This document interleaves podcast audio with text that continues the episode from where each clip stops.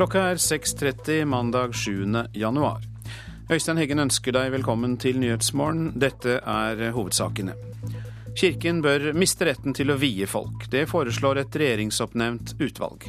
Det betyr at alle må til tinghuset eller rådhuset, men at alle må gjøre dette borgerlig, som det heter. Utvalgsmedlem Sturla Stålsett. Naboer har lenge klaget over sikkerheten på veistrekningen i Rogaland, der en tolvåring ble drept fredag kveld. Falsk og helsefarlig kosmetikk og parfyme blir solgt flere steder i Norge. Og i dag starter rettssaken mot de tiltalte for gjengvoldtekten i New Delhi.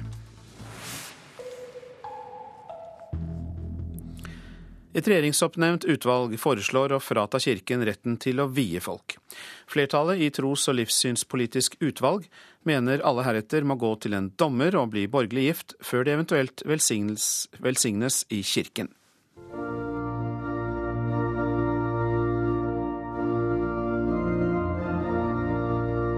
Vil du ha Per Jostein Gabrielsen som står ved din side, til din ektemann? Ja. Brud og brudgom lover i påsyn av Gud å elske og ære hverandre til døden skil deg av. Og presten erklærer at de rette ektefolk skal være. Men denne retten, denne tradisjonen, vil det regjeringsutnevnte tros- og livssynspolitiske utvalg, leia av Stula Ståseth, ta vekk. Det betyr at alle må til tinghuset eller rådhuset, men at alle må gjøre dette borgerlig, som det heter. Altså hos en dommer. Ja. Vil en at ekteskapet også skal bli velsigna av en prest, må en ta turen til kyrkja etter at den er blitt via av dommeren. For flertallet i utvalget mener det er viktig at de gifteklare forstår at ekteskapet er langt mer enn ei religiøs handling. Det å inngå et ekteskap er en juridisk handling. Alt det som handler om rett, om skilsmisse, om arv osv. At det er tydelig for de som inngår et ekteskap at det hører inn under lovens område. Jeg syns det er galt å ta fra kirka vigselsmuligheten. Sier KrF-leder Knut Arild Hareide, som frykter færre vel kirkebryllup hvis det bare blir ei velsigning. Jeg mener at en svekker kirka som et viktig møtested. Og det på en måte å ta fra vigselsmuligheten for kirka, vil gjøre at en del som kanskje ikke har det tetteste forhold til kirka, kanskje ikke vil da velge å gå til kirka når en skal gifte seg. Prest og generalsekretær i Kirkens Bymisjon, Stula Stålseth, forteller at utvalget var delt i det kontroversielle spørsmålet. Det er et uh, flertall som går inn for felles sivil uh, ekteskapsinngåelse. Så er det et mindretall som ønsker at dagens ordning at den fortsetter. Er du sjøl en del av flertallet? På dette ene punktet er jeg en del av mindretallet. Utvalget fikk i oppgave å gå gjennom staten sin trus- og livssynspolitikk, og komme med forslag til en mer helhetlig politikk på feltet. Dette skjedde etter flere runder med vanskelige verdispørsmål for den rød-grønne regjeringa. Er det greit å omskjære små gutebarn? Skal en tillate skolegudstjenester? Og ikke minst, kan dommere og politi få bruke hijab på jobb? Utvalgets flertall mener altså at uniformstilpassede plagg og symboler må være mulig også innenfor politiet og innenfor domstolen. Det ønsker altså tillate f.eks. bruk av hijab eller kors eh, hos en dommer og hos politiet? Ja. I alle samfunnslivets sammenhenger så mener utvalget samlet sett at det bør bare være strengt skal vi si, praktiske, hygieniske, sikkerhetsmessige grunner til at man eventuelt sier at det plagget får du ikke gå med, eller det symbolet får du ikke bære. Reporter her Astrid Randen, og mer om denne saken i Politisk kvarter kvart på åtte. I dag starter rettssaken mot fem av de seks mennene som er tiltalt for gjengvoldtekt og drap på en 23 år gammel kvinne i New Delhi, India, i midten av desember. Asia-korrespondent Anders Magnus, det var vel seks menn da. Hvorfor er ikke den sjette med i tiltalen? Det er fordi han skal være under 17 år og skal altså da dømmes av en ungdomsdomstol. Og kanskje kun få en straff på tre år for denne forferdelige forbrytelsen. Og det har jo opprørt svært mange i India. Det har jo kommet krav om både kastrering og dødsstraff etter denne fryktelige forbrytelsen, men hvilken straff kan de få? Mest sannsynlig så eh, kommer de til å bli dømt til døden ved henging. Eh, men eh, det er en del problemer med denne rettssaken, bl.a. at det er ingen advokater som har villet forsvare dem. Og det er jo i strid med loven. De skulle hatt forsvarere med en gang. Og, og tidligere så har jo folk som har vært tiltalt og dømt, senere gått fri pga. Eh, slik svikt. Eh, så når eh, retten da starter om en halvtimes tid, så, så spørs det om ikke dette spørsmålet også kommer til å bli berørt. Denne saken har jo skapt et enormt raseri og demonstrasjoner i India, selvfølgelig blant kvinner særlig, som krever bedre beskyttelse. Hva gjør myndighetene? Ja, altså, eh, Foreløpig har ikke myndighetene gjort så mye, men det har vakt en enorm oppsikt i India. Det har vært svære demonstrasjoner og eh, sultestreiker, og det debatteres eh, nå endelig disse forbrytelsene i avisene, på fjernsyn og på de sosiale mediene. Myndighetene har så langt bare foreslått at de at det skal bli raskere å få dømt folk eh, for voldtekt. Eh, nå kan det ta opptil fem år å få gjennomført en slik rettssak. Og så har de også kommet med et forslag om at det skal bli 2500 eh, nye kvinnelige politifolk, i hvert fall i New Delhi. Men problemet her er jo holdningen hos politiet, som jo også viste seg da disse to nakne ungdommene ble funnet etter at de var kastet ut av bussen. Så brukte altså politiet lang tid på å krangle seg imellom hvem som skulle ha ansvaret for dette, her, hvilket geografisk enhet, istedenfor å bringe dem en gang til sykehus og få tatt vare på disse menneskene. Det er en forferdelig mannskultur også i politiet som gjør at voldtektsmenn stort sett uh, slipper unna, selv om det meldes om voldtekter hvert 20. minutt i India. Også Nepal, altså nabolandet, har vært preget av dette. Det har vært demonstrasjoner der. Hva, hva utløste det? Det var en 21 år gammel jente som, eh, som, eh, kom hjem fra utlandet. Og så ble hun da både frastjålet sin bagasje og voldtatt av en politimann på flyplassen. Uh, og dette har jo skapt enorm oppsikt uh, og også demonstrasjoner etter mønster fra India. Så det er det er helt tydelig at kvinner, særlig kvinner eh, på det indiske subkontinentet, nå ønsker å få en slutt på denne forferdelige trakasseringen. Og spørsmålet er om det også kan føre til en bedring av kvinners stilling i denne delen av verden. Mange takk skal du ha, Asia-korrespondent eh, Anders Magnus. Falsk kosmetikk og parfyme som kan være helsefarlig, selges flere steder i Norge. En rekke produkter som ble analysert i fjor, inneholder store mengder med kvikksølv, ifølge Mattilsynet. Salg av disse produktene skjer i små klesbutikker, frisørsalonger og noen frittstående dagligvarebutikker, opplyser Mattilsynet og tollvesenet. Ifølge Aftenposten skjer salget også i økende grad fra anerkjente nettsteder. Nå til eh, Rogaland. Naboer har lenge klaget over sikkerheten på Lalandsveien i Klepp, der en tolv år gammel gutt ble påkjørt og drept fredag kveld. Mange bilister holder en svært høy fart på skoleveien, og naboer etterlyser gang- og sykkelsti. Det er en vei der folk kjører fort. Da tar ikke hensyn til noe fartsgrense. Det er bånn gass. Fortell Tordis Westergård. Hun er blant naboene til Lalandsvegen nær Klepp stasjon i Rogaland, der en tolv år gammel gutt ble påkjørt og drepen fredag kveld. Og den høye farten til bilistene har gjort at beboerne i området lenge har etterlyst utbedringer i form av gang- og sykkelsti. Senest i september i fjor skrev en beboer i Lalandsvegen brev til kommunen der det sto må det virkelig skje ei dødsulykke før noen her våkner. Lørdag var dødsulykka et faktum, da tolvåringen døde på sykehus av skadene han pådrog seg i trafikkulykka fredag kveld. Men kommunen har ingen planer om å gjøre veien sikrere med det første.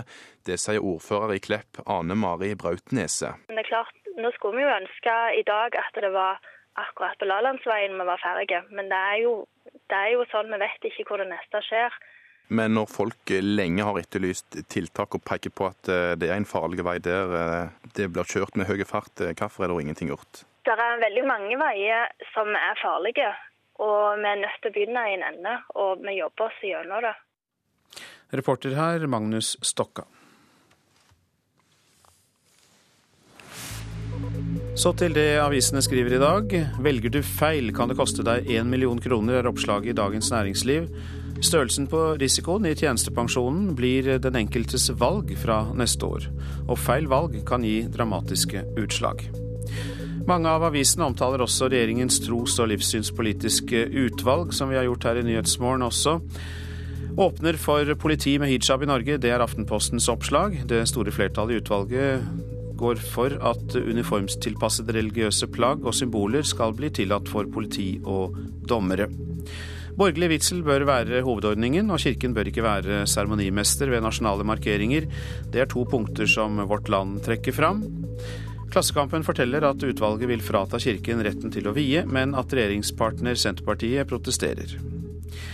Assad lover fortsatt krig, skriver Dagsavisen. Håpet om en diplomatisk løsning på borgerkrigen svinner etter Bashar al-Assads tale i går. Liten grunn til å tvile på at det finnes kommunal korrupsjon i Tromsø, sier Høyres gruppeleder Rolleiv Lind til Nordlys. To klare forsøk på korrupsjon ble avslørt da Lind var leder av kommunens kontrollutvalg. I Bergen er det vedtatt planer for 8500 boliger, men utbyggerne har likevel ikke startet utbygging, forteller Bergens Tidende. Enkelte utbyggere venter nok for å sikre høyest mulig pris, sier byråd for byutvikling Philip Rygg. Dobbel lykke er oppslaget i Bergensavisen. Andelen tvillingfødsler har gått opp med 100% de siste 40 år her i landet. Ransmann drev kafé, skriver Adresseavisen. 26-åringen som ble skutt og såret av politiet under et ran i den svenske byen Södertälje, drev kafé i en trøndelagskommune i fjor.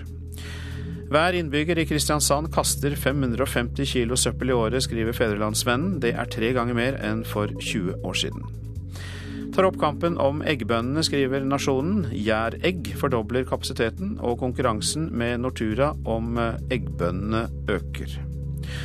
Drømmejobb og smart sparing det er stikkord for oppslagene i Dagbladet og VG. Natur og ungdom mot olje og energi, det kan være stikkordet for dagens landsmøte i miljøorganisasjonen Natur og Ungdom. Og god morgen til deg, leder der, Silje Lundberg. Jo, takk for det. For olje- og energiminister Ola Borten Moe skal komme til dere og bli utspurt. og Hvilke hovedutfordringer gir dere han?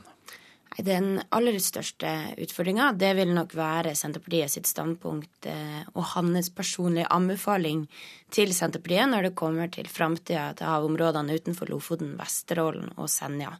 Og I tillegg til det så er det jo en rekke andre miljøsaker som kommer til å stå på agendaen, bl.a. flere av de her fjordene som nå er trua av eh, sjødeponi, men det er nok Lofoten som vil være, være den øverste saken på agendaen. Det har liksom vært en konflikt over en tid mellom miljøorganisasjonene og olje- og energiministeren, men uh, var det lett å få han til å komme? Ja, du, det, vi har god kommunikasjon med Ola Borten Moe, vi. Vi er jo veldig uenige med ham på flere områder. Um, men mye av den kritikken som han kom med av eh, miljøbevegelsen for eh, et år siden, mener jeg falt på sin egen urimelighet eh, og ikke traff oss i det hele tatt. Litt usikker på hvem den traff.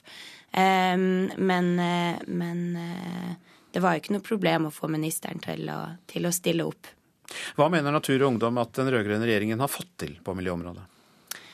Har, altså den rød-grønne regjeringa er jo dem som to ganger har sagt nei til å åpne områdene utenfor Lofoten, Vesterålen og Senja for oljevirksomhet. Man har fått verna et veldig stort skogområde i Buskerud, Trillemarka.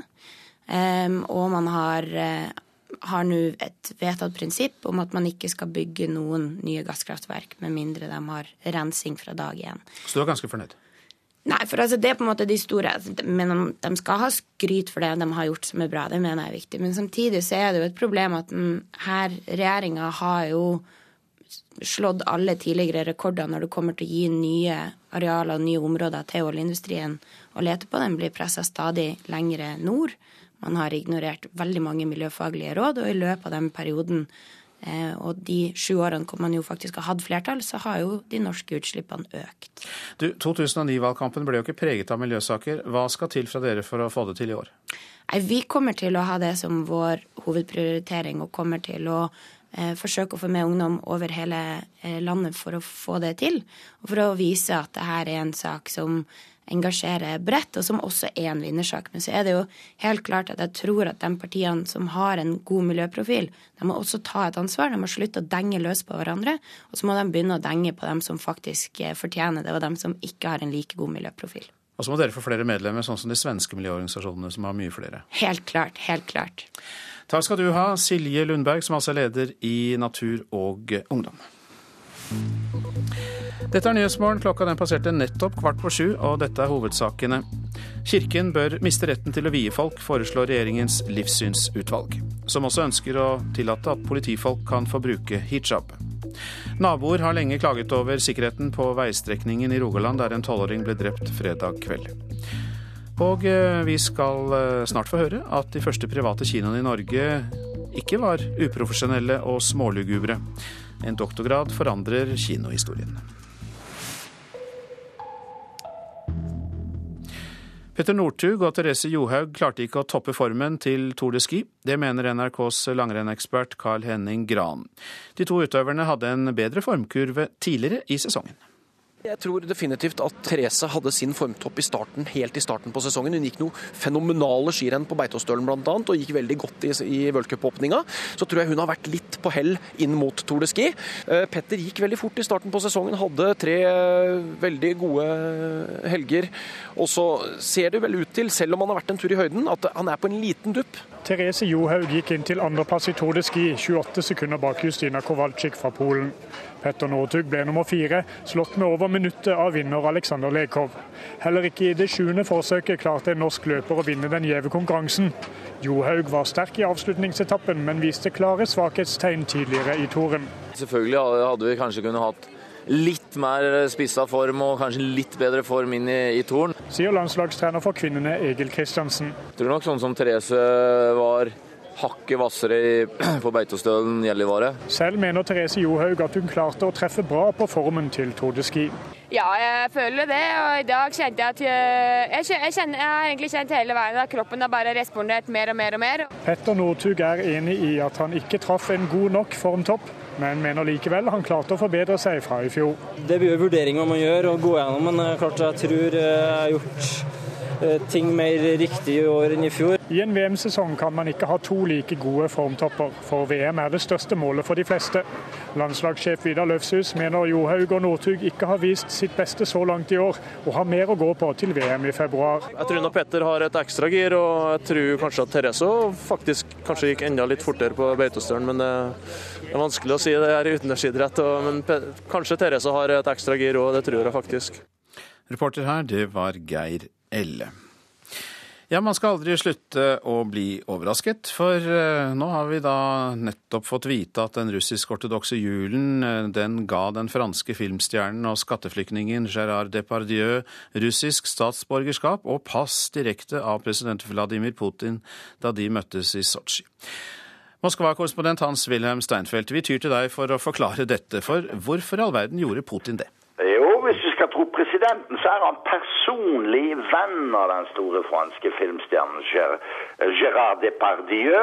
Eh, de møttes i Sotsji. Det er jo første juledag ortodoks jul her i Russland. Og de ga hverandre en god juleklem. Og så ble den store skatteflyktningen som har tatt bolig i Sør-Belgia, russisk statsborger. Og det er naturligvis helt unikt at det skjer. Og presidenten bruker eh, sitt embete til å gi en personlig venn statsborgerskap. Men jeg lurer på om han da fyller kriteriene for statsborgerskap i Russland? ja, Det bestemmer for så vidt presidenten, men det er mange, mange mennesker fra de tidligere sovjetrepublikkene som må avlegge meget alvorlige eksamener for å dokumentere at de kan russisk før de får statsborgerskap. Og eh, Jepardieu hadde strøket blankt på den eksamen. Men du, dette med å gi en skatteflyktning eh, statsborgerskap og såkalt opphøye skatteflukt til eh, noe man skal støtte opp om, hvordan passer det inn i Putins eh, Russland? passer dårlig inn. Eh, som gamle Mikhail Gorbatsjov sier, så eier styrtrike russiske skatteflyktninger omtrent London. Og Putin selv sier at veldig mange av disse styrtrike ikke kan komme hjem igjen til Russland så lenge Putin sitter ved makten. Og Putin planlegger også en luksusskatt for å inndra en del av de enorme formuene som urettmessig eh, folk grafset til seg her på 90-tallet. Så dette er et stort paradoks hvis vi ser på det som eh, beveger seg i russisk skattepolitikk nå. Men du, det som da var en furten fransk eh, skuespillerlegende, blir jo nå gjennom dette nærmest storpolitikk. Hvordan kan det påvirke forholdet mellom Vladimir Putin og Francois Hollande, den franske presidenten? Jeg tror det vil irritere for den franske statsminister uttrykte jo offentlig at han syntes Jepardieu var stusslig. Men i sentrale eh, om rikets tilstand 12.12. så skrøt president Vladimir Putin av at han som oftest finner en god tone med de franske lederne, og at Russland alltid har gjort det. I hvert fall etter napoleonskrigene for 200 år siden. Så får vi se. Jeg tror det irriterer, men jeg tror ikke det grunnleggende vil endre forholdet mellom Kreml og Paris. Men du, til slutt, eh, Steinfeld, det er ikke noe som tyder på at Depardieu skal flytte til Russland? Det vil jeg tvile på. Det er mulig at han må opprette en bolig, men han har jo mye penger, så han vil jo lett kunne kjøpe seg en leilighet i Moskva. For det er klart at for å kunne være russer, så må du ha bostedstillatelse, fast bostedpel og politiregistrering. Så vi får jo bare vente og se hvilken luksusleilighet her i Moskva Gerard Depardieu kjøper seg. Takk skal du ha, Hans-Wilhelm Steinfeld fra Moskva. Det ville være synd hvis den luksusleiligheten blir stående tom, men det blir kanskje resultatet. TV-serien eh, Halvbroren skaper en ny vår for romanen til Lars Saabye Christensen, som, altså er, eh, som serien altså er basert på. 20 000 pocketbøker trykkes opp, og Cappelen Dam er sikker på storsalg. Jeg sto akkurat og så på den uh, her, og uh, vurderte å kjøpe den. Guttorm Andreassen vurderer å kjøpe romanen 'Halvbroren' hos Tannum på Karl Johans gate i Oslo. Det har jo vært mye snakk om den i om den filmatiseringa av den. Eh, så da dukker den opp i hodet igjen. Romanen 'Halvbroren' av forfatter Lars Saabye Christensen fra 2001 fikk Nordisk råds litteraturpris og ble en bestselger. I går hadde TV-serien 'Halvbroren' premiere på NRK1. Den 9. november 1966 forsvant halvbroren min Fred. Fred var bokser. Jeg var forfatter. TV-serien vil føre til økt salg av boka, sier salgs- og markedssjef i Cappelen Dam, Birgit Christensen, som har trykket opp over 22 000 pocketbøker. Så her ser du filmpocketen, som er eh, hvor vi bruker uh, filmplakaten. Uh, Halvbroren er en, er en kjent klassiker, men den må på en måte vekkes til live. Det vil serien være med på. Denne kom i 2001. Og det er jo en stund siden. Og det, eh, det gjør jo både at det, at det, er lenge siden mange har lest den, og at det er kommet veldig mange mennesker til etterpå. Det er litt spesielt at det er eh, såpass lenge siden den kom ut, og nå blir serie. Eh, sånn at vi vil nå et nytt publikum. Helt sikkert. Ja, det er veldig hyggelig. Det, det, det har kommet en ny generasjon lesere i, i mellomtiden, vil jeg tro. Det sier forfatter Lars Saabye Christensen. TV-serien har fått gode anmeldelser og har blitt solgt til 13 land. Jeg er veldig fornøyd og imponert. For meg er det et kvalitetsstempel på serien som sådan. Fordi de som har kjøpt den til utenlandske kanaler og TV-stasjoner, eh, ser den utelukkende som en dramaserie. De har ikke boken in mente. Og det betyr at den kan stå 100% på egne ben, og det er veldig bra. Og det kan komme en oppfølger til Halvbroren, men ikke i den formen du kanskje tror. I romanen er jo stoff som jeg fremdeles eh, bærer med meg og lever med. Jeg har egentlig aldri helt blitt uh, ferdig med det. Det tror jeg ikke. Så jeg har ingen planer om en ny roman i, i serien, men kanskje et dikt. Ja. Og reporter her, det var Eirin Venås Sivertsen. Norsk kinohistorie skrives delvis om i en ny doktorgradsavhandling. Smålugubre og uprofesjonelle, det var påstandene om de første private kinoene her i landet. Men nye funn viser at de var svært profesjonelle, og eid av godseiere og konsuler og skipsredere. En tabell her med aksjonærene, skjønner jeg. Mona Pedersen har brukt de siste åra til å grave fram nye opplysninger om kinohistorien i Norge fra 1910 til 1925. Et område det er forsket lite på. Dette er jo en avhandling som har handla om å sitte og se på sånn eh, mikrofilm på skjerm og grave seg gjennom eh, arkiver. Finne en liten bit her, en liten bit der. Her, vet du. Doktoravhandlingen hennes river bena under deler av det som er skrevet om tidlig norsk kinohistorie. Før eh, kommunaliseringen så har jo dette vært fremstilt som en litt sånn eh, lugubert drevet bransje. Eh, spekulativt og lite profesjonelt. Og det jeg har funnet er eh, tvert imot. Ifølge Mona Pedersens forskning var det borgerskapet som eide de første kinoene i Norge. Det var eh, rett og slett eh, det norske dannelsesborgerskapet og næringsborgerskapet. Så det var den norske overklassen som eide de fleste kinoene i Norge på den tida. En rekke av datidas rikeste nordmenn eide kinoene. Du ser på lista her, det er liksom grosserer, agent, godseier, eh, konsul. En stor filantrop og mesen, bl.a. for Edvard Munch. Så har vi en eh, skipsreder i Fredrikstad. Administrerende direktør i bransjeforeningen Film og Kino, Lene Løken, sier det er bra det kommer ny forskning. Det er alltid interessant med forskning om kinohistorie. Det å klarlegge hvilke private drivere som fantes fra starten i Norge, er selvfølgelig interessant. Doktorstipendiaten mener det er flere årsaker til at dette ikke er kommet fram før nå. Jeg tror det handler jo om et legitimeringsprosjekt, delvis. Man må på en måte forklare viktigheten av eh, det kommunale ansvaret. I den norske filmhistorieskrivningen så går det som en sånn linje da, at eh, kommunalt er ansvarlig, og privat er spekulativt. Det ser du liksom som en sånn Kan du nesten lese deg bakover som en sånn rød tråd. Men, men det, det var det ikke? Eller? Nei. 45 år etter at Sigurd Evensmo skrev Det store tivoli, boka som regnes som bibelen om norsk kinohistorie, er det kanskje på tide med ny forskning, sier Lene Løken i bransjeforeningen Film og Kino. Det er alltid bra å få ny forskning om kinohistorie. Fredag skal doktorgradsstipendiaten forsvare sin kinoavhandling ved NTNU i Trondheim. Jeg tror liksom jeg er rolig, men får sånn kviseutbrudd og munnsår og våkner av rare drømmer. Så, så skjønner jeg at jeg er ikke helt, helt kul på det. Etterpå vil Mona Pedersen skrive bok om norsk kinohistorie.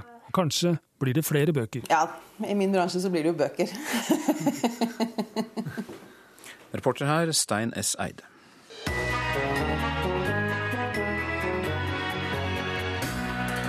Når helga er over og hjerna trenger å bli vekt til live igjen, da stikker Radioselskapet til Seniorsenteret. Vårt helsevesen, det er smykket vårt. Hvis han får bruke moral eller ytre sikkerhet. Klarer han det i løpet av et år, ære være han. Og setter nye uker på rett kjøl. Radioselskapet klokka 11. Så tar vi med oss et eh, værvarsel. Østlandet og eh, Telemark oppholdsvær. I kveld litt regn i sør, lokal tåke i hele perioden.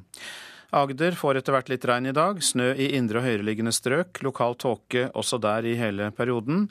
Vestlandet sør for Stad. Sørlig opp i stiv kuling på kysten. Sterk kuling i nord. Sørvest liten storm ved Stad. I ettermiddag minkende. Regn av og til. Snø over 800 meter og lokal tåke.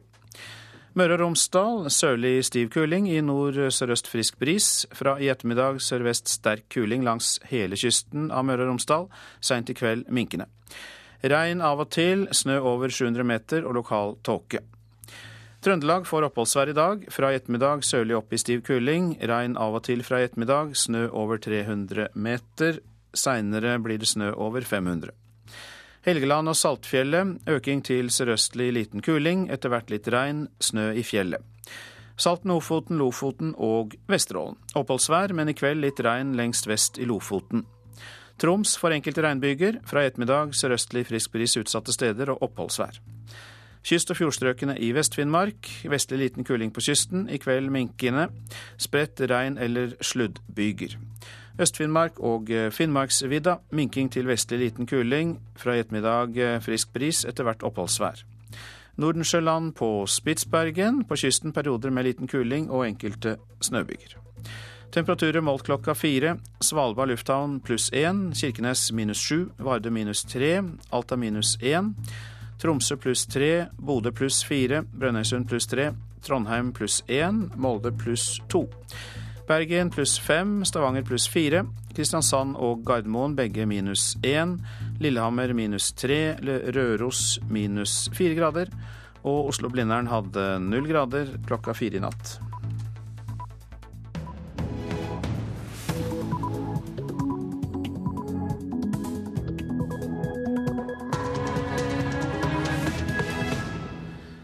Nyhetsmorgen, det er radioprogrammet du lytter til, og nå klokka sju har vi denne oppdateringen. Hjelpetelefonen har lagret personopplysninger om ungdoms sexliv i mer enn 20 år, tross i løfter om anonymitet. Det er snakk om unge mennesker, derfor er dette veldig viktig. At du kan være anonym dersom de sier at du skal få lov til å være anonym.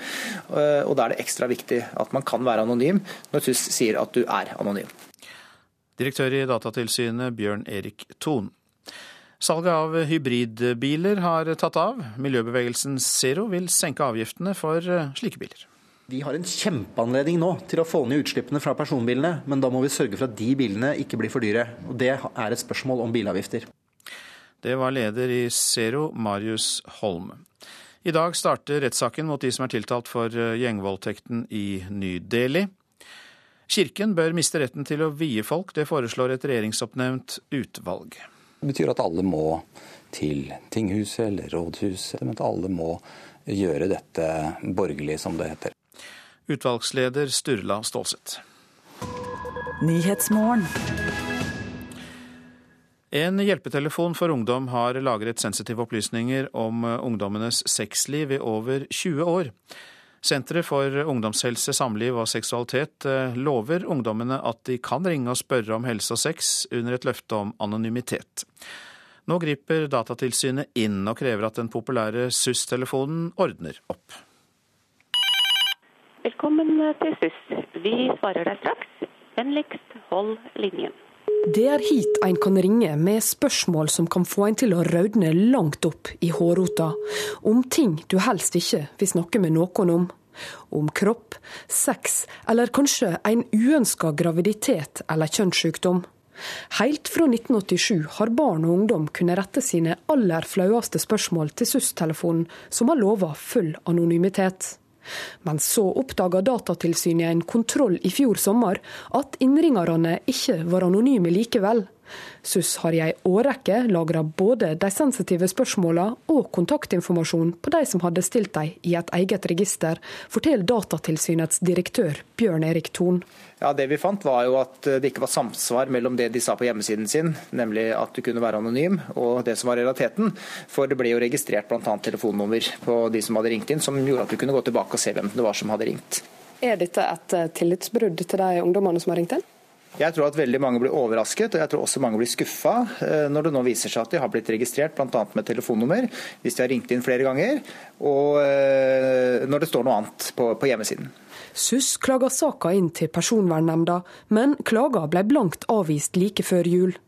Når NRK ringer, er ledelsen på seminar i utlandet, men på telefon forklarer daglig leder i SUS, Mette Hvalstad, at det hele bunner i en uenighet om hva det betyr å være anonym. Når vi tenker hva anonymitet er, så betyr det at vi ikke vet hvem vedkommende er. Og Datatilsynet bruker en annen definisjon. For de mener at så lenge dere registrerer telefonnummeret til den som ringer inn og spørsmålet, så er ikke folk lenger anonyme? Vi, eh, vi har ikke tilgang til de telefonnumrene, så det vet ikke vi som svarer på telefonen eh, heller. Men det at sensitive opplysninger blir laga i et register, forstår du at eh, det kan oppfattes eh, som uheldig av enkelte? Det har alltid vært sånn på SUS, og det er sånn fremdeles, at alle er anonyme. Eh, det er Datatilsynet som har et annet definisjon av anonymitet. SUS skal fremdeles få journalføre helseråd de gir til innringere, men Datatilsynet mener den generelle rådgivningstjenesten nå må legges om. De må lage en løsning der ungdom kan ringe inn og være helt anonyme. Så må de slette opplysninger som er registrert på folk som eh, ikke skulle vært registrert. Eh, og så må de gi mye bedre informasjon om eh, dette på hjemmesiden sin. Datatilsynets direktør der, Bjørn Erik Thon, reporter Ellen Sporstøl. Generalsekretær i Landsforeningen for barne- og ungdomsorganisasjoner, LNU, Martin Østerdal, velkommen til deg. Takk for det.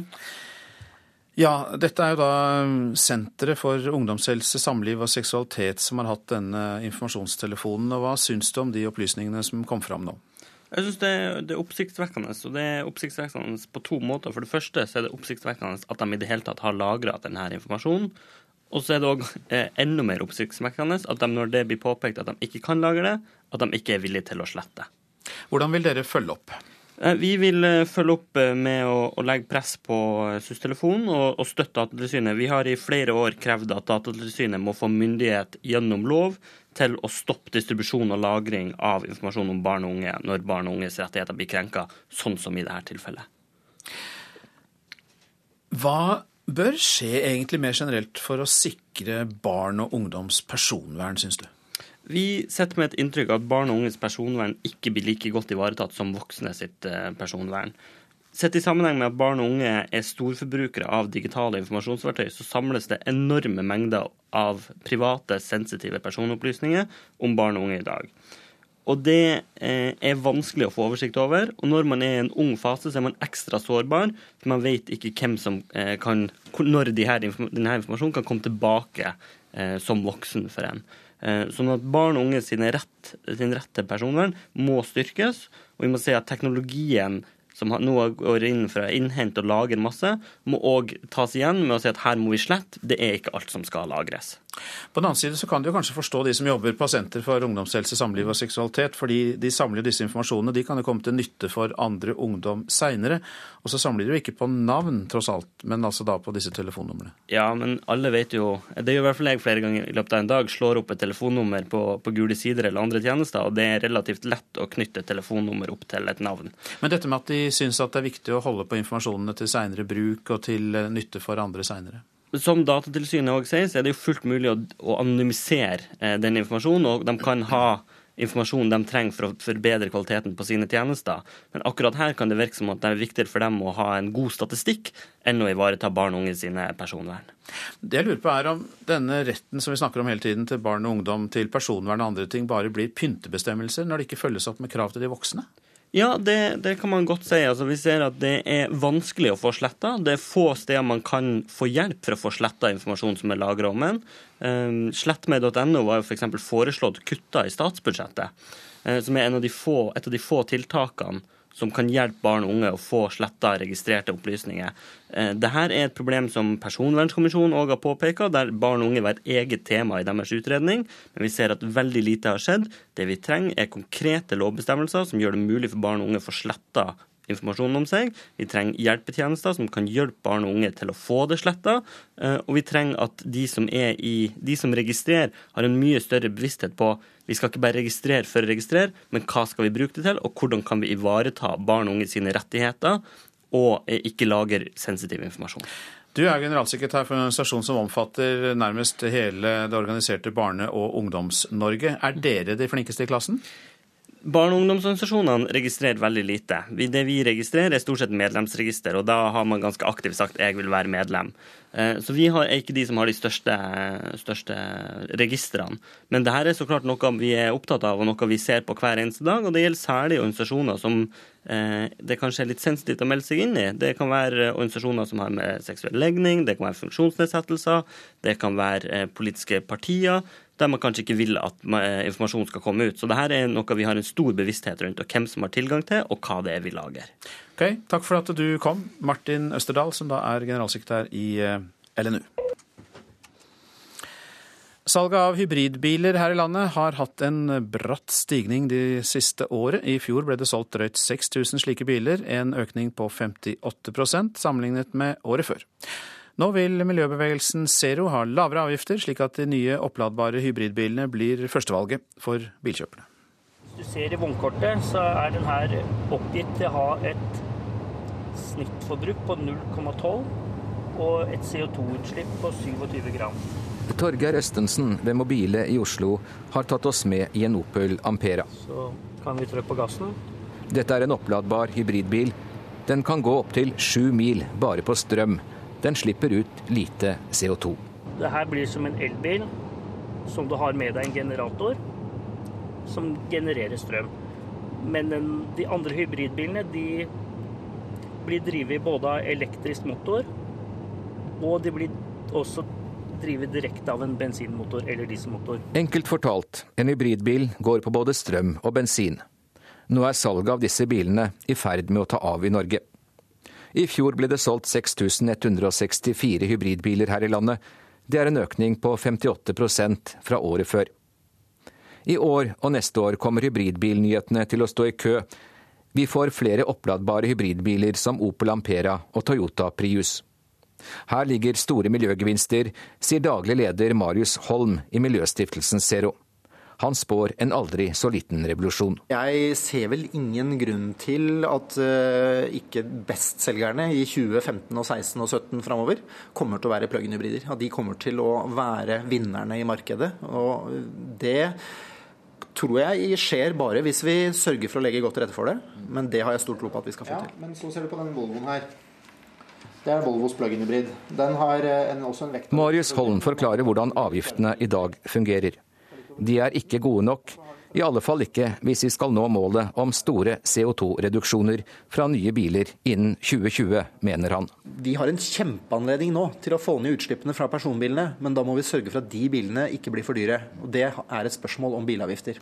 Så det er viktig at vi er i forkant og sørger for at avgiftene legger til rette for at disse bilene blir valgt. For det vil være bra for klimaet, og det vil være bra for lokalmiljøet. Så lavere avgifter på hybridbiler, det er budskapet fra deg? Ja, vi må sørge for at de blir konkurransedyktige. og Det betyr både at avgiftene blir lavere på plug-in hybrider, og at de blir antagelig høyere på biler som forurenser eh, mye. Altså, når det gjelder framtidige år, så tror jeg vi skal komme, fra, komme tilbake til det. Sier statssekretær Kjetil Lund i Finansdepartementet. Han sier at det har skjedd mye allerede, og miljøbilene er vinnerne. Slik at eh, den kjøpsavgiften, engangsavgiften du betaler når du kjøper en ny bil, eh, i stadig større grad avhenger av eh, bilen miljøegenskaper, og mindre av motoreffekt, hestekrefter. Var det komfortabelt? Det var det. Hvem er det som kjøper en bil som denne? Det er, det er folk som er opptatt av teknologi og miljø, og, og kanskje folk som har tenkt igjennom totaløkonomien da, i forhold til hva de har bruk for. Du kan selvfølgelig ikke ha hengefeste, og det er plass til fire personer. Men hvis du er innenfor de kriterier, og du har en viss pendling til og fra jobb, så kan du spare flere tusen kroner i måneden på å kjøre en slik bil. Reporter her, det var Hans Jørgen Solli. God morgen til deg, Jon Winding Sørensen. God dag. Du er redaktør i Bilforlaget, og ja, hvordan vurderer du, hva, eller hva forteller det deg, denne utviklingen i salget av hybridbiler? Nei, Det det forteller, er at det er noen som er veldig interessert i avansert teknologi. Men eh, det er altfor mange, egentlig, syns jeg, som overser den tekniske framskrittet det er på de vanlige bilene. For der har det skjedd vanvittig mye, også uten komplikasjoner som man har på f.eks. En, en hybridbil. Og Hvilke er det, komplikasjonene? Komplikasjonene er at du får masse batterier, du får elektromotorer, du får en strømprodusent. Alt dette tar plass, og det er komplisert, det er vanskelig på verksted, og det koster penger. Men du, er virkelig da bensin- og dieselbilene blitt så miljøvennlig at du mener at hybridbilene nærmest er unødvendige? Ja, det, det kommer an på hva vi mener med, med, miljø. Fordi det er klart Hvis jeg sier life cycle assessment, så blir eh, politikere de blir helt rare i øya og får noe helt annet å gjøre plutselig. Fordi man må jo egentlig se på hele bilens livsløp. Fra produksjon og til den blir destruert. Og der er ikke ikke hybriden overlegen bensinbilen, i hvert fall. Tenker du da på miljøsiden? Jeg tenker på miljøet. ikke sant? Det brukes jo energi for å bygge biler. Det kreves energi for, for, å destruere biler. Alt det der er også betydningsfullt. Men det er klart det vi snakker om, er eksos der bilen er. Og der er hybrid litt bedre, og elektro, elektriske biler er meget bedre enn enn vanlige biler. Men den energien som skal inn i en elbil eller inn i en plug-in hybrid skal jo også produseres et eller annet sted. Og det regnskapet det er veldig vanskelig å få ordentlig øye på. Men du, hvordan syns du at biltrafikken kan bli mer miljøvennlig i framtida hvis vi ikke satser så mye på hybridbiler og elbiler, da? Det, akkurat der er litt framtida i våre hender. Altså Eneste måten å bli mer miljøvennlig på, mm. det er jo å bruke ting mindre. Men det er antagelig umulig. Så det er klart elbiler er en løsning for, for sentrum, for, for tette byområder. For det slipper ikke ut noe lokalt. Og til en viss grad gjelder dette også hybrid. Men hybrid kan bli litt latterlig, fordi en bil som Lexus, den er stor, tung, luksuriøs. Den er da på ti på topp av de utslippsgunstige bilene. Men det er jo bare en teknisk målemetode som egentlig ikke forteller noe som helst om virkeligheten. Ja, at dette er en stor og tung bil som koster mye å lage? Ja. Og som har mye teknisk innhold. Ja, og ikke innhold. bare det, men selve hybridbilen, eller delen av den bilen, den kommer i tillegg til den vanlige motoren, så det blir en slags sånn ekstra turbo. Men siden den da kjøres på en spesiell laboratoriemåte når man måler forbruket, så kommer den veldig gunstig ut. Så dette her er veldig mye papirteori. Altså. Hvis man skulle legge avgifter etter dette tøvet, da er vi ute og kjører igjen sånn som vi var da vi fikk spesielt gunstige dieselavgifter for noen år siden. Det viste seg jo at det var bare tøv. Men du, til slutt for å summere opp dette her. Da jeg hørte dette innslaget, så tenkte jeg at det er supert, da kjøper vi alle hybridbil fra nå av. Men det skal ikke det, altså? Nei, For det første kan du ikke, for de fins jo ikke. Men Nei, Det finnes noen helt utmerket hybridbiler, men jeg sier bare at man bør nok se på, hvis vi snakker avgifter i hvert fall, bør vi se på framskritt på andre biler også. Men det er klart, sånn, som teknisk Tour de Force-opplegg, så er masse hybride glimrende løsninger. Vi finner ikke helt ut av dette. Vi må nok klø oss litt i hodet når vi skal kjøpe bil eh, fortsatt. Da får vi heller følge med på det du og andre skriver. Jon Winding Sørensen, takk skal du ha. Kirken bør miste retten til å vie brudepar. Det mener et regjeringsoppnevnt utvalg som legger fram sin rapport i dag. Utvalget vil at alle heretter må gå til en dommer og bli borgerlig gift, før de eventuelt får en velsignelse i kirken etterpå. Utvalget mener også at politi og dommere skal få bruke turban og hijab på eh, jobb. Klokka den eh, går mot 7.17. Dette er hovedsaker. Hjelpetelefonen har lagret personopplysninger om ungdoms sexliv i mer enn 20 år, tross løfter om anonymitet.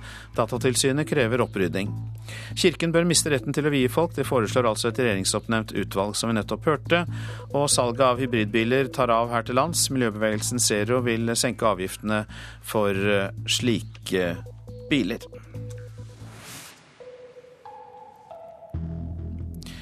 Innen midten av januar skal det være på plass eh, nye og lokale skredvarsler. Håpet er at eh, dette skal være med å snu trenden med stadig flere omkomne i snøskred.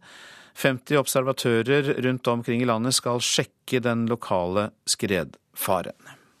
Vi tar på oss ski og tar med oss sekken og spadden og utstyret og går ut i felten, opp i fjellet. Det sier førstekonsulent Bodil Ust i Statens vegvesen, som er en av 50 observatører som skal ut og sjekke skredfaren.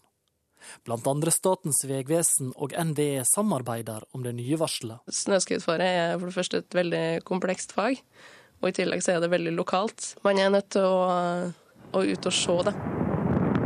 Slik kan det høres ut. Tonnevis med snø som i løpet av sekund kommer i over 100 km i timen nedover fjellsida. Det nye varselet skal særlig hjelpe skiløpere å vurdere faren. Det sier seksjonssjef i NV Rune Engeseth. Det man ser er at det er mange snøskredulykker. Det er eh, nå 29 mennesker som har gått med i snøskred de siste fire vintrene. Og vi er jo i starten av denne vinteren. Over 100 personer har blitt drepne her i landet i snøskred i samband med friluftsliv de siste 100 åra.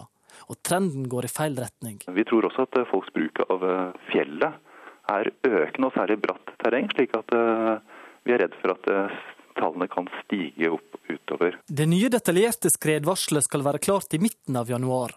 Håpet er at det skal redde liv. Ja, det håper vi helt klart. Reporter Terje Gilles Hammer. Og så til Syria.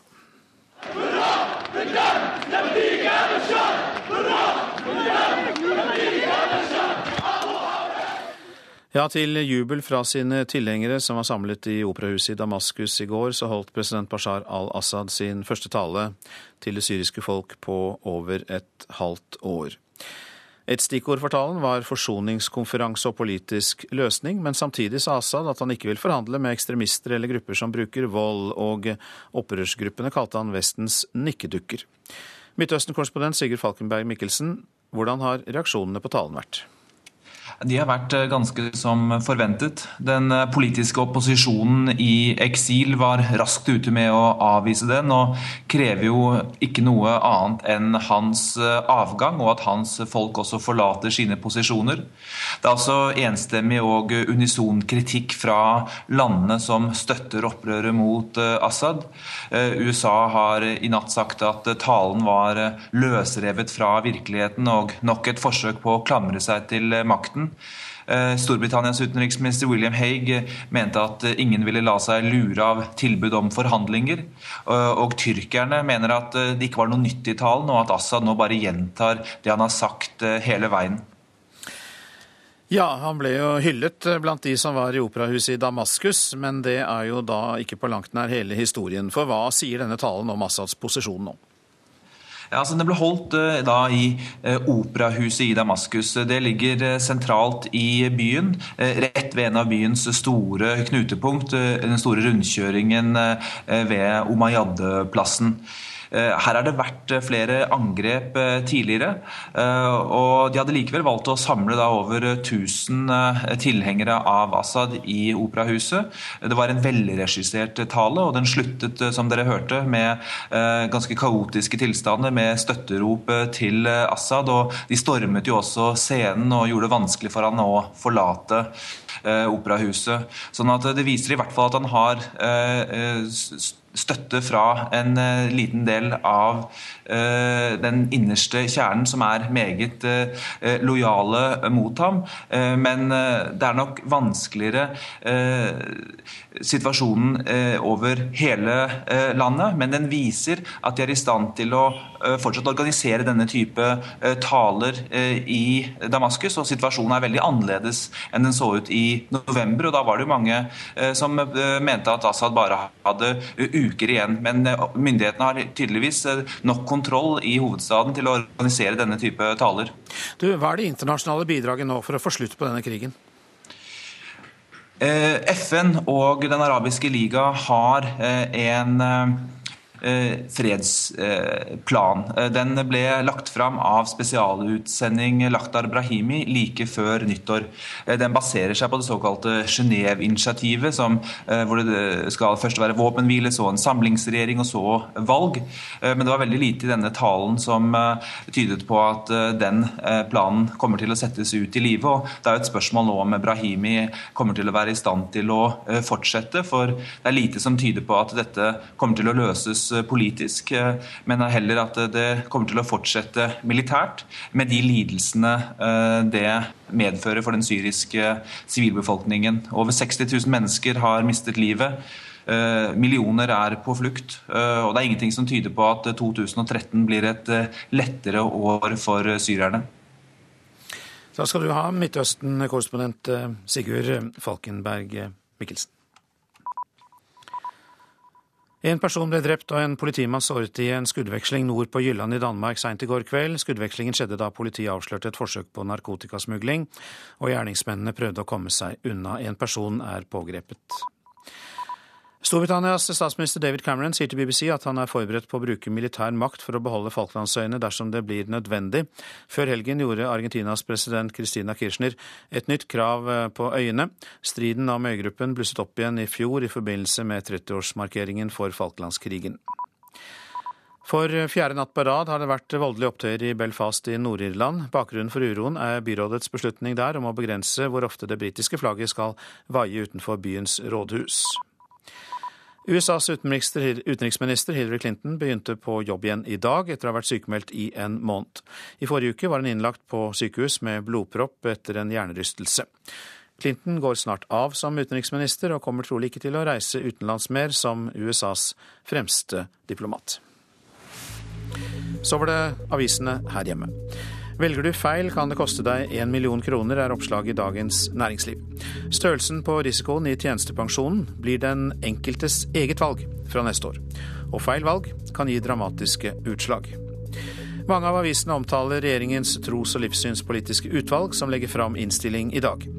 Åpner for politi med hijab i Norge, skriver Aftenposten. Et stort flertall i utvalget er for at uniformstilpassede religiøse plagg og symboler kan bli tatt i bruk for politi og dommere.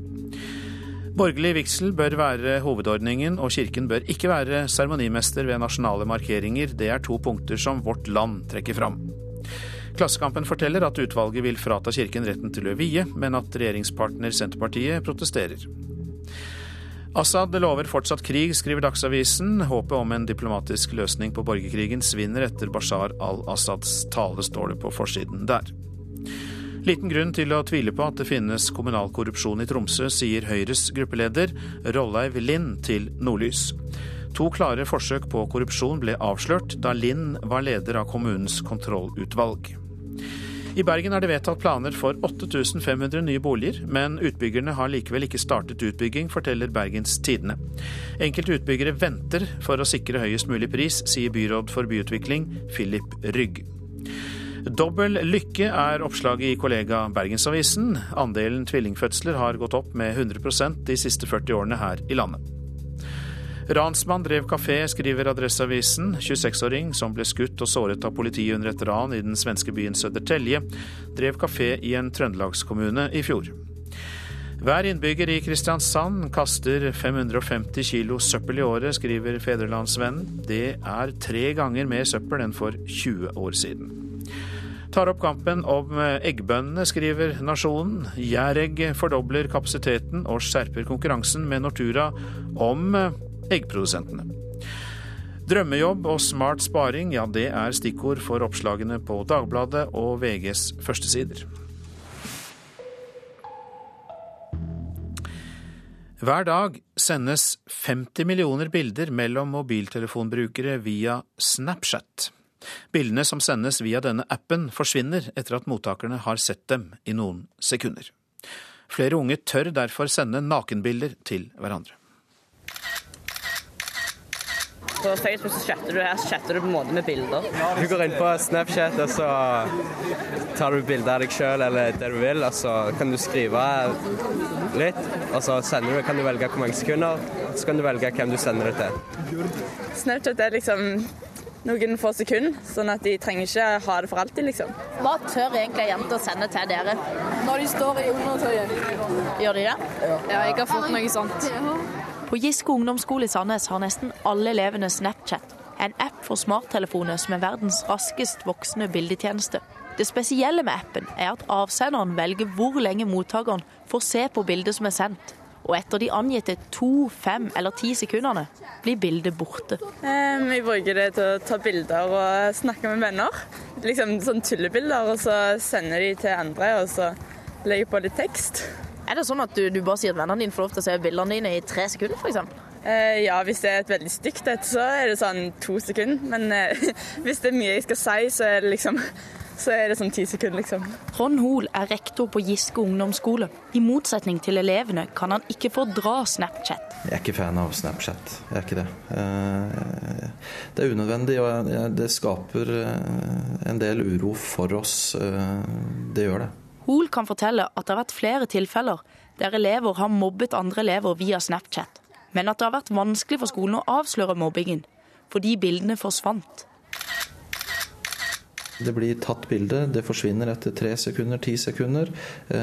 Og vi vil jo gjerne, og må jo ofte bevise at ting er blitt gjort. Og da kan det hende at vi står bom fast, for vi har ingenting å vise til. Har du noen gang fått et litt mer sexy bilde på Snapchaten din? ja, faktisk. Ja, av jenter. Tror du det er noen jenter som sender bilde til deg på Snapchat som ikke de ville sendt eh, hvis det bildet fikk være der for alltid? Uh, ja, det tror jeg. Derfor pleier de som regel å la det være i ett eller to sekunder. Jeg har fått sånne bilder. Folk i undertøy. Folk eller jenter? Jenter.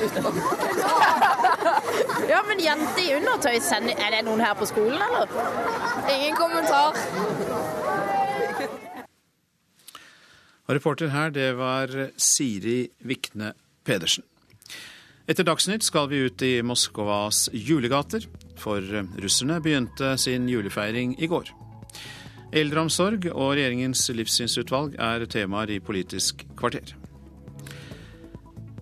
Jeg minner om at du kan laste ned hele Nyhetsmorgen som lydfil eller podkast. Mer om det finner du på nrk.no.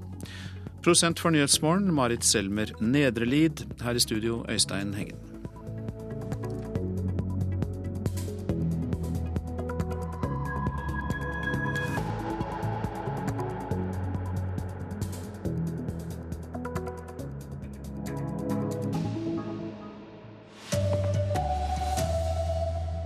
Brudepar bør ikke lenger få gifte seg i kirken, mener utvalg. Hjelpetelefon har lagret personopplysninger om ungdoms sexliv i mer enn 20 år, til tross for løftet om anonymitet. Salget av hybridbiler stiger voldsomt. Miljøbevegelsen krever lavere avgifter. Her er NRK Dagsnytt, klokka er 7.30. Kirken bør miste retten til å vie brudepar. Det mener et regjeringsoppnevnt utvalg som legger frem sin rapport i dag. Utvalget vil at alle heretter må gå til en dommer og bli borgerlig gift, før de eventuelt får en velsignelse i kirken etterpå. Vil du ha Per Jostein Gabrielsen som står ved din side, til din ektemann? Ja. Brud og brudgom lover i påsyn av Gud å elske og ære hverandre til døden skil deg av. Og presten erklærer at de rette ektefolk skal være. Men denne retten, denne tradisjonen, vil det regjeringsutnevnte tros- og livssynspolitiske utvalg, leia av Stula Ståsett, ta vekk. Det betyr at alle må til tinghuset eller rådhuset, men at alle må gjøre dette borgerlig, som det heter. Altså hos en dommer? Ja. Vil en at ekteskapet også skal bli velsigna av en prest, må en ta turen til kyrkja etter at den er blitt via av dommeren. For flertallet i utvalget mener det er viktig at de gifteklare forstår at ekteskapet er langt mer enn ei religiøs handling. Alt det som handler om rett om skilsmisse, om eh, arv, for at det er tydelig for de som inngår et ekteskap, at det hører inn under lovens område. Jeg syns det er galt å ta fra kirka vigselsmuligheten. Sier KrF-leder Knut Arild Hareide, som frykter færre vel kirkebryllup hvis det bare blir ei velsigning. Jeg mener at en svekker kirka som et viktig møtested. Og det på en måte å ta fra vigselsmuligheten for kirka, vil gjøre at en del som kanskje ikke har det tetteste forhold til kirka, kanskje ikke vil da velge å gå til kirka når en skal gifte seg. Stålsett-utvalget konkluderer også i et annet kontroversielt spørsmål. Et stort flertall går inn for at politi og dommere kan få bruke hijab eller andre religiøse plagg og symbol på jobben. Utvalgets flertall mener altså at uniformstilpassede plagg og symboler må være mulig også innenfor politiet og innenfor domstolen. Det bør bare være strengt skal vi si, praktiske, hygieniske, sikkerhetsmessige grunner til at man eventuelt sier at det plagget får du ikke gå med, eller det symbolet får du ikke bære. Reporter her var Astrid Randen, og utvalget legger frem rapporten sin klokka 10.30 i formiddag. Hjelpetelefonen for ungdom om seksualitet og samliv har lagret sensitive opplysninger om ungdoms sexliv i over 20 år. Dette skjer til tross for at organisasjonen lover ungdommene full anonymitet. Velkommen til SUS. Vi svarer deg straks. Helt fra 1987 har barn og ungdom kunnet rette sine aller flaueste spørsmål til SUS-telefonen, som har lova full anonymitet. Men så oppdaga Datatilsynet en kontroll i fjor sommer at innringerne ikke var anonyme likevel. SUS har i ei årrekke lagra både de sensitive spørsmåla og kontaktinformasjon på de som hadde stilt dem i et eget register, forteller Datatilsynets direktør Bjørn Erik Thon. Jeg tror at veldig mange blir overrasket, og jeg tror også mange blir skuffa eh, når det nå viser seg at de har blitt registrert bl.a. med telefonnummer, hvis de har ringt inn flere ganger, og eh, når det står noe annet på, på hjemmesiden. SUS klaga saka inn til Personvernnemnda, men klaga ble blankt avvist like før jul. Når NRK ringer, er ledelsen på seminar i utlandet, men på telefon forklarer daglig leder i SUS, Mette Hvalstad, at det hele bunner i en uenighet om hva det betyr å være anonym. Anonymitet betyr at man ikke vet hvem vedkommende er, for oss som jobber med helsehjelp. Og Datatilsynet bruker en annen definisjon. SUS skal fremdeles få journalføre helseråd de gir til innringere, men Datatilsynet mener den generelle rådgivningstjenesten nå må legges om. De må lage en løsning der ungdom kan ringe inn og være helt anonyme. Så må de slette opplysninger som er registrert på folk som eh, ikke skulle vært registrert. Eh, og så må de gi mye bedre informasjon om eh, dette på hjemmesiden sin. Bjørn Erik Thon er direktør i Datatilsynet, og reporter her var Ellen Sporstøl. I løpet av natta har politiet i Rogaland fått flere tips etter påkjørselen i Klepp før helgen som tok livet av en tolv år gammel gutt. Ingen er pågrepet så langt, og politiet har sjekket ut flere kjøretøy. Det sier operasjonsleder Frank Roland i Rogaland politidistrikt. I natt har vi òg mottatt en del tips fra publikum. Vi har sjekka ut noen kjøretøy, og vil fortsette dette arbeidet nå i løpet av dagen. Hvordan går dere i gang med arbeidet i dag? Nå vil det bli en, en gjennomgang av den tips og den uh, utviklende verktøysaken i løpet av helga på Klepp lensmannskontor. Og så vil de arbeide videre, både taktisk og teknisk, med de opplysningene som vi har. Reporter var Cecilie Berntsen Jåsund. Salget av hybridbiler her i landet har steget voldsomt det siste året. En hybridbil er en bil som bruker både en forbrenningsmotor og elektrisk motor som kraftkilde. Nå vil miljøbevegelsen Zero ha lavere avgifter, slik at disse bilene blir førstevalget for bilkjøpere. Hvis du ser i vognkortet, så er den her oppgitt til å ha et snittforbruk på 0,12 og et CO2-utslipp på 27 gram. Torgeir Østensen ved Mobile i Oslo har tatt oss med i en Opel Ampera. Så kan vi trykke på gassen. Dette er en oppladbar hybridbil. Den kan gå opptil sju mil bare på strøm. Den slipper ut lite CO2. Det her blir som en elbil som du har med deg en generator som genererer strøm. Enkelt fortalt, en hybridbil går på både strøm og bensin. Nå er salget av disse bilene i ferd med å ta av i Norge.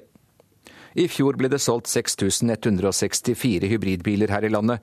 Det er en økning på 58% fra året før. I år og neste år kommer hybridbilnyhetene til å stå i kø. Vi får flere oppladbare hybridbiler som Opel Ampera og Toyota Prius. Her ligger store miljøgevinster, sier daglig leder Marius Holm i Miljøstiftelsen Zero. Vi har en kjempeanledning nå til å få ned utslippene fra personbilene, men da må vi sørge for at de bilene ikke blir for dyre. Og Det betyr både at avgiftene blir lavere på plug-in hybrider, og at de blir antagelig høyere på biler som forurenser eh, mye. Var det komfortabelt? Det var det. Hvem er det som kjøper eh, en bil som denne? Det er, det er, folk som er opptatt av teknologi og miljø, og, kanskje folk som har tenkt igjennom totaløkonomien da, i forhold til hva de har bruk for. Du kan selvfølgelig ikke hengefeste, og det er plass til fire personer. Men hvis du er innenfor de kriterier, og du har en viss pendling til og fra jobb, så kan du spare flere tusen kroner i måneden på å kjøre en slik bil. Ifølge Finansdepartementet så har regjeringen allerede endret avgiftene til fordel for miljøbilene, og dette er et arbeid som vil fortsette. Reporter her, det var Hans Jørgen Solli. I Indias hovedstad New Delhi er fem av de seks som er mistenkt for å ha voldtatt og mishandlet en ung kvinne, fremstilt for retten for første gang. Kvinnen døde av skadene hun ble påført. De fem risikerer dødsstraff dersom de blir funnet skyldige for voldtekt, bortføring og drap. En sjette tiltalt, som er 17 år og mindreårig, skal stilles for en ungdomsdomstol. Det brutale overgrepet har ført til voldsomme protester og krav om at kvinner i India må beskyttes bedre. Norge er i ferd med å ta over som den dominerende nasjonen i hoppsporten. I hoppuka var tre av de fem beste norske, og nordmennene har høye ambisjoner for resten av sesongen. Det er en uvant eh, situasjon for oss, men må, det er jo en grunn til at vi har fått eh, det stempelet. Det er fordi vi har gjort mye riktig. Så vi, vi kommer til å kose oss med det. Sier Tom Hilde, som ble nummer tre i årets hoppuke. Anders Jacobsen sikret norsk andreplass 13 små poeng bak sammenlagtvinner Gregor Schlierensauer fra Østerrike. Anders Bardal ble nummer fem. Østerrike har vunnet de fem siste oppukene, men nå merker landslagstrener Alexander Pointner presset fra Norge, og han liker konkurransen. It's great for us to have a team, uh with soon we can fight on a big level, and uh, it's a pleasure for us. Så spørs det hvor gledelig det blir for østerrikerne resten av vinteren. Norges bestemann i hoppuka, Anders Jacobsen, mener de norske er hete kandidater både i VM og i kampen om sammenlagtseier i verdenscupen. Jeg har lyst til å være med og fighte om den, i hvert fall. Og nå begynner man å krabbe oppover. Nå har vi Bardal på tredjeplass, jeg er på fjerdeplass. Eh, Tom er vel ti. Eh, meget sterkt som lag, så jeg håper, eh, håper vi kan fortsette sånn. Og det sa Anders Jacobsen til reporter Christian Myrseth. Ansvarlig for Dagsnytt-sendingene denne morgenen heter Eirik Ramberg. Teknisk ansvarlig er Arnt Egil Nordlien, og her i studio Anne Jetlund Hansen.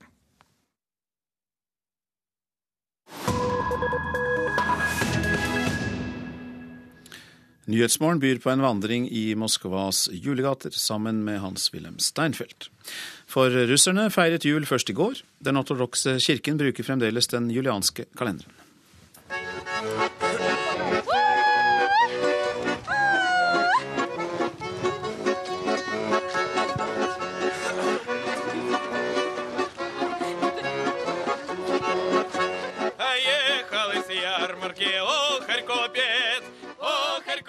Vi skal på julemarked, synger denne gruppen foran den 200 meter lange køen som står foran Russlands nasjonalgalleri nå før jul, for museene er gratis da. Tretjakov-galleriet har leid inn sanggruppen for å underholde museumskøen, og sangen heter kort og godt 'For et refreng', og jentene i gruppen sier dette om sin sangglede.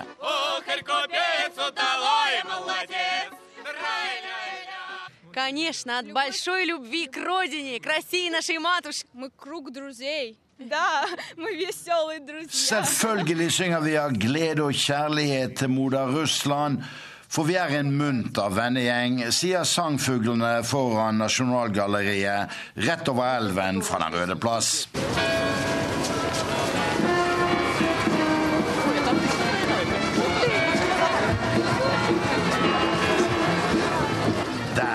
Overdøves imidlertid klokkene fra Frelserstårnet av amerikansk jazzmusikk når skøytebanen midt på Den røde plass åpnes i et folkehav av titusener av juleglade russere på det som en gang var en mer dyster kommunistisk paradeplass.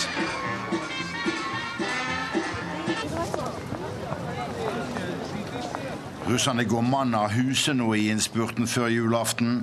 Det er lite i Moskva som eh, vitner om ateiststaten som undertrykte religionen helt frem til 1991. Nå er det julegleden som preger den vakre plass som Den røde plass også betyr. Foran den store julegranen ved inngangen til Den røde plass, eller Krasnaja plosjad, står en bestemor med femåringen Vanja, og vi spør henne om 74 år med ateiststat reduserte juletradisjonenes betydning her i Russland. Jeg mener jo at juletradisjonen aldri forsvant. De ble ikke kvitt dem. Juletradisjonene eksisterte, eksisterer og vil alltid eksistere, sier denne godt voksne damen mens barnebarnet Vanja på fem år her på julemarkedet like godt synger sin yndlingssang til jul om juletreet.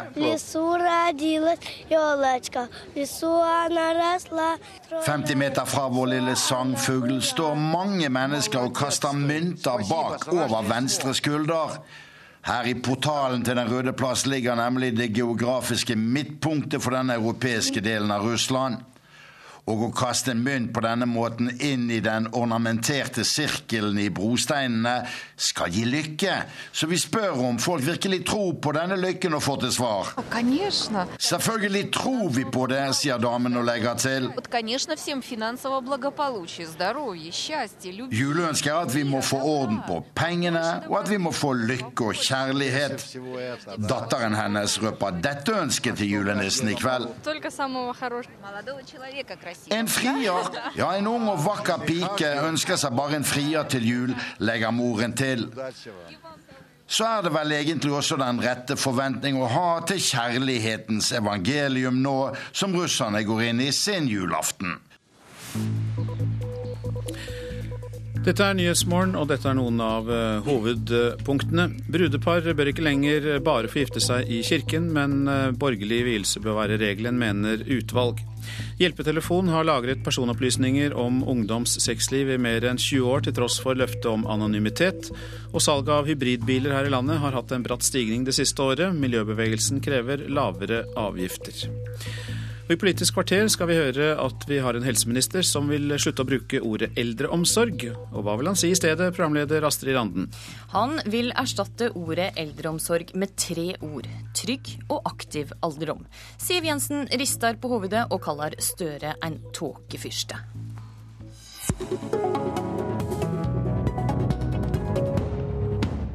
Vel møtt til Politisk kvarter. Først, politi og dommere må få bruke hijab på jobb. Det mener det regjeringsoppnevnte utvalget som i dag legger fram rapporten om hvordan Norge skal bli et livssynsåpent samfunn. Prest og generalsekretær i Kirkens Bymisjon, Stula Stålseth, har leia utvalget, og han sier det er et viktig prinsipp at alle må få kle seg som de sjøl vil. Utvalgets flertall mener altså at uniformstilpassede plagg og symboler må være mulig også innenfor politiet og innenfor domstolen. Det ønsker altså å tillate f.eks. bruk av hijab eller kors eh, hos en dommer og hos politiet? Ja. Og det er begrunnet eh, fra flertallets standpunkt i at eh, når de er uniformstilpasset som de er, så, eh, som er forutsetningen, altså, så er det da uniformen som er uttrykket for hvilken rolle man har, og hvordan den gjennomføres. Det må være rolleutøvelsen i seg selv, funksjonen som, i seg selv, som er hovedpoenget.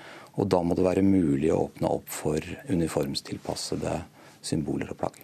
Det bør bare være eh, strengt skal vi si, praktiske, hygieniske, sikkerhetsmessige grunner til at man eventuelt sier at det plagget får du ikke gå med, eller det symbolet får du ikke bære sa Stula Stålseth. Frp er partiet som har markert seg sterkest mot hijab, mot hijab i eh, politiet og for dommere.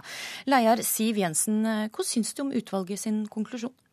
Fremskrittspartiet er uenig i konklusjonen om at eh, det nå skal åpnes opp for hijab både i politiet og hos dommere.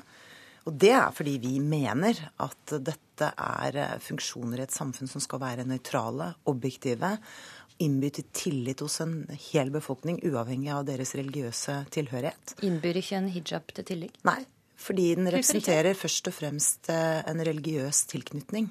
Eh, at folk har ulik religiøs tilknytning, det skal vi ha respekt for i et samfunn som er åpent for eh, religionsfrihet. Men det offentlige rom, offentlige instanser som skal representere hele samfunnet og være en objektiv og nøytral part, må bære uniformer som er like nøytrale og like objektive. Men kan en ikke være upartisk om en bærer et kors eller et, en hijab? Fremskrittspartiet kommer ikke til å endre standpunkt i dette. Vi mener at det er eh, helt uaktuelt å åpne for eh, at denne type religiøse symboler skal knyttes opp mot uniformer som representerer et samfunn og en stat. Nei, men Svar på spørsmålet. Kan en ikke være upartisk om en bærer et kors? Vi mener at det skaper problemer når man bringer religionen inn i det offentlige rom. Religion er en privatsak. Eh, man må tilbe den guden man vil, eller la være å tilbe en gud hvis man vil det. Men når offentlige myndigheter skal iverksette tiltak på vegne av en befolkning, så skal den være objektiv og nøytral. Og da mener vi at religiøse symboler ikke hører hjemme der. Det har vi ment hele tiden, og vi har ikke endret standpunkt basert på dette utvalgets konklusjoner. Er det like ille med et kors som med en hijab? Vi mener at alle religiøse symboler skal eh, være ute av det offentlige rom. Det har vi alltid ment, og standpunktet har ikke endret seg basert på utvalgets konklusjoner. Etter forrige debattrunde om hijab i politiet, som eh, skal sies pågikk ei stund, konkluderte altså samtlige parti med at hijab ikke skulle være tillatt i politiet. Er det oppsiktsvekkende at dette utvalget nå kommer til motsatt konklusjon, syns du? Jeg har ikke fått lest alle konklusjonene til utvalget eller begrunnelsen som de har kommet med. Men det endrer fortsatt ikke på Fremskrittspartiets standpunkt. Og jeg håper heller ikke det endrer på det politiske flertall sine standpunkter. Det er en fordel for et samfunn å fremstå eh, rimelig sekulært og objektivt. At man ikke tillater bruk av religiøse symboler knyttet opp mot så viktige funksjoner som politiet og domstolen tross alt er. Det er kulturminister Hadia Tajik som vil motta utvalget sine konklusjoner, og hva hun vil gjøre med dem, får vi først vite når de legger fram sin rapport klokka halv elleve i dag.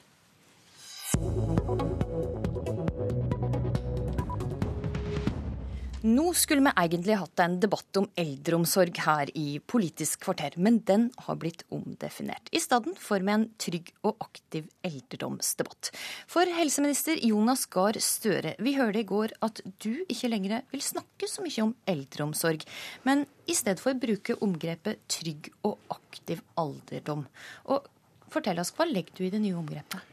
Ja, eh, jeg prøver å se uh, de eldre i dag og de eldre i framtiden, og ser at vi kommer til å ha en veldig mangfoldig gruppe. Dette er jo velferdsstatens store bonus, at vi får flere eldre, flere friske eldre, flere eldre med omsorgsbehov. Og da må vi ha en politikk som passer på det området vi skal ha politikk, for den befolkningen vi snakker om. Og nå får vi et rom i Norge de siste neste ti årene hvor antall over 80 ikke øker veldig. Så øker det kraftig. Og nå har vi tid til å ta debatten hva er behovene for eldre i framtiden. Et viktig behov blir omsorgsbehov. Og der har vi planer for sykehjem, eh, verdighetsgaranti, demensplan, en rekke viktige ting som velferdssamfunnet skal satse på. Men vi får også en gruppe mangfoldige eldre som kommer til å ha andre typer behov. Tilrettelagt for å kunne bo hjemme lengre, være aktive og bidra. Og da mener jeg at hvis vi bare snakker om eldreomsorg i den gamle måten, så tenker vi på institusjonen. Eh, og det dekker noen, men det er veldig mange de ikke fanger opp. Og da mener vi må ha en bredere debatt. Ja, Er det stigmatiserende? Er det noe stigmatiserende ved ordet eldreomsorg? Ikke, ikke, nødvendigvis, men det kan gi inntrykk av at eh, ordet eldre er ensbetydende med omsorg, slik du forstår på et pleiehjem. Noen har det behovet, og de kommer vi til å måtte satse mer på i årene som kommer. Men jeg tror vi har undervurdert den tanken at eldre er også mangfoldige. Kanskje blir vi mer og mer mangfoldige ettersom vi lever ett et og ett år. Eh, og da må det også gjenspeile hvordan vi legger til rette. F.eks. hvordan skal vi bo? I dag kommer vi til å ta avgjørelsen om hvordan vi bygger framtidens boliger. Omsorgsboliger, eldreboliger. Og veldig mye handler om å bruke teknologi og byggeformer som legger til rette for at du kan bo lenger hjemme. Og Veldig mange ønsker det, og veldig mange kan det. Og det fanges ikke opp av dette omsorgs, eldreomsorgsbehovet. Derfor så ønsker jeg en bredere debatt, fordi vi faktisk skal ta beslutninger nå som får betydning ganske langt inn i framtiden. Frp-leder Siv Jensen, du er fremdeles med oss. Hva syns du om det nye omgrepet som Jonas Gahr Støre lanserer? Jeg skal gi eh, helseministeren eh, honnør for sitt engasjement, men han later jo som om dette plutselig er en helt ny debatt. Det er det ikke. Vi som har diskutert eh, eldreomsorg i de siste ti årene, har diskutert alle de problemstillingene som helseministeren nå later som er nye. Det er jo derfor vi har bygget omsorgsboliger. Det er derfor vi har lagt til rette for universell utforming. Nettopp for at man skal kunne bo lengst mulig i egen bolig. Og det handler om en erkjennelse av at eldre blir, eh, lever stadig lenger og er stadig friskere. Eh, derfor har det gjort mange tiltak, og jeg synes jo hvis helseministeren ønsker å ta en debatt om friske eldre, så bør han jo begynne å gå langt inn i Arbeiderpartiets rekker og se på hvorfor de har gjort kutt i pensjoner, hvorfor de driver med avkorting og samordning av pensjoner, som handler om eldres mulighet til å forvalte egen økonomi når de skal leve lenger. Eh, det handler om eh, eh, at mange eldre ønsker å stå lenger i arbeidslivet, men er avskåret fra muligheten til det. Men den viktige debatten er jo den som enda ikke er løst. Og jeg mener at vi ikke skal ha særlig mer debatt om det. Vi skal ha tiltak, og det handler om de aller sykeste eldre som blir stadig eldre og stadig sykere før de får tilbud om en sykehjemsplass. Her har statsminister Stoltenberg ved to valgkamper lovet kraftige tiltak. Fortsatt gjenstår det å se om man har tenkt å gi eldre mennesker verdig behandling på slutten av livet. Ja, prøver helseministeren å komme seg bort fra den aller viktigste debatten med dette? Ja, jeg mener at det å lansere nye ord eh, og si at nå må vi ha en ny debatt, er jo nok en avsporing. De som er syke eldre i dag, de vil ikke ha mer debatt. De vil ha svar, de vil ha løsninger, de vil ha tiltak. Eh, de vil ha verdighet når de kommer på sykehjem. De vil kunne dusje, eh, få frisk luft, få anstendig mat, få nødvendig pleie. Da handler det om å få lovfestet retten til sykehjemsplass. Det handler om å få bemanningsnormer i sykehjemmene av hensyn til de ansatte. Det handler om å få en matkvalitet. Og det handler om å stille krav at også eldre på institusjon skal ha rett til frisk luft. Ikke mer debatt og nye ord, eh, Støre? Nei, men Ord løser ikke dette. Men, men, jeg mener vi kan ha, to tanker i hodet på samme tid. Jeg er engasjert i mitt departement en storstilt uh, opprustning av norsk eldreomsorg. Vi bygger sykehjemsplasser. Vi utdanner stadig nye flere med høy utdanning. Vi har en verdighetsgaranti. Vi har et ansvar i kommunene til å se folks pleie- og helsebehov, slik at trenger de sykehjemsplass for å løse sin, uh, sitt behov, så får de det. Det ivaretar det langt på vei. Men det er jo innholdet i dette vi må begynne å snakke mer om. Og jeg mener vi kan, Disse debattene griper litt i hverandre. fordi Siv Jensen sier at friske eldre, ja, altså friske eldre, men det kan også være eldre som har et visst behov for tilretteleggelse og det man kaller hverdagsrehabilitering. Uh, og, og, og, jeg konstaterer bare at uh, vi hadde en, en, stor utredning om det i fjor som viste at forskningen, nytenkningen på teknologi og tilrettelegging er kommet veldig kort i Norge. Vi bruker lite ressurser på det. Det mener vi må gjøre noe med. Og dette henger litt da sammen med det, med det ganske tunge omsorgsbehovet som et sykehjem er. Det fortsetter vi å bygge ut, satse stort på. Og jeg mener det er best at kommunene har ansvaret for det. Derfor så overfører vi penger til kommunene. Og så overgangen til behovene før du eventuelt har det behovet. Og det bør vi begynne å snakke om nå. At Siv Jensen har snakket om det i ti år, det er fint. Men jeg lever her og nå, og jeg ønsker å se framover. Og, å, ta, å, å møte folk med deres men, behov og den verdigheten de har krav på. Men, men større politikk handla som kjent om prioriteringer. Og hvor vil du kommuna med ei slunken kommunekasse skal prioritere? Et bedre tilbud til eldre som begynner å bli syke, eller et, en eldreomsorg og sykehjemsplasser til deg som faktisk er aller sykest. Det er dette som er så spennende, for dette henger sammen. Det siste er helt avgjørende. For kommunene har ansvar for å tilby folk rett til helsehjelp, den hjelpen de trenger. Men kommunene har i dag etter Samhandlingsreformen en egen interesse i å drive forebyggende arbeid og tilrettelegging. Og kommunene har jo mye å tjene på at de som kan bo hjemme, med litt teknologisk hjelp, med litt ettersyn, gjør det istedenfor å komme på en sykehjemsplass.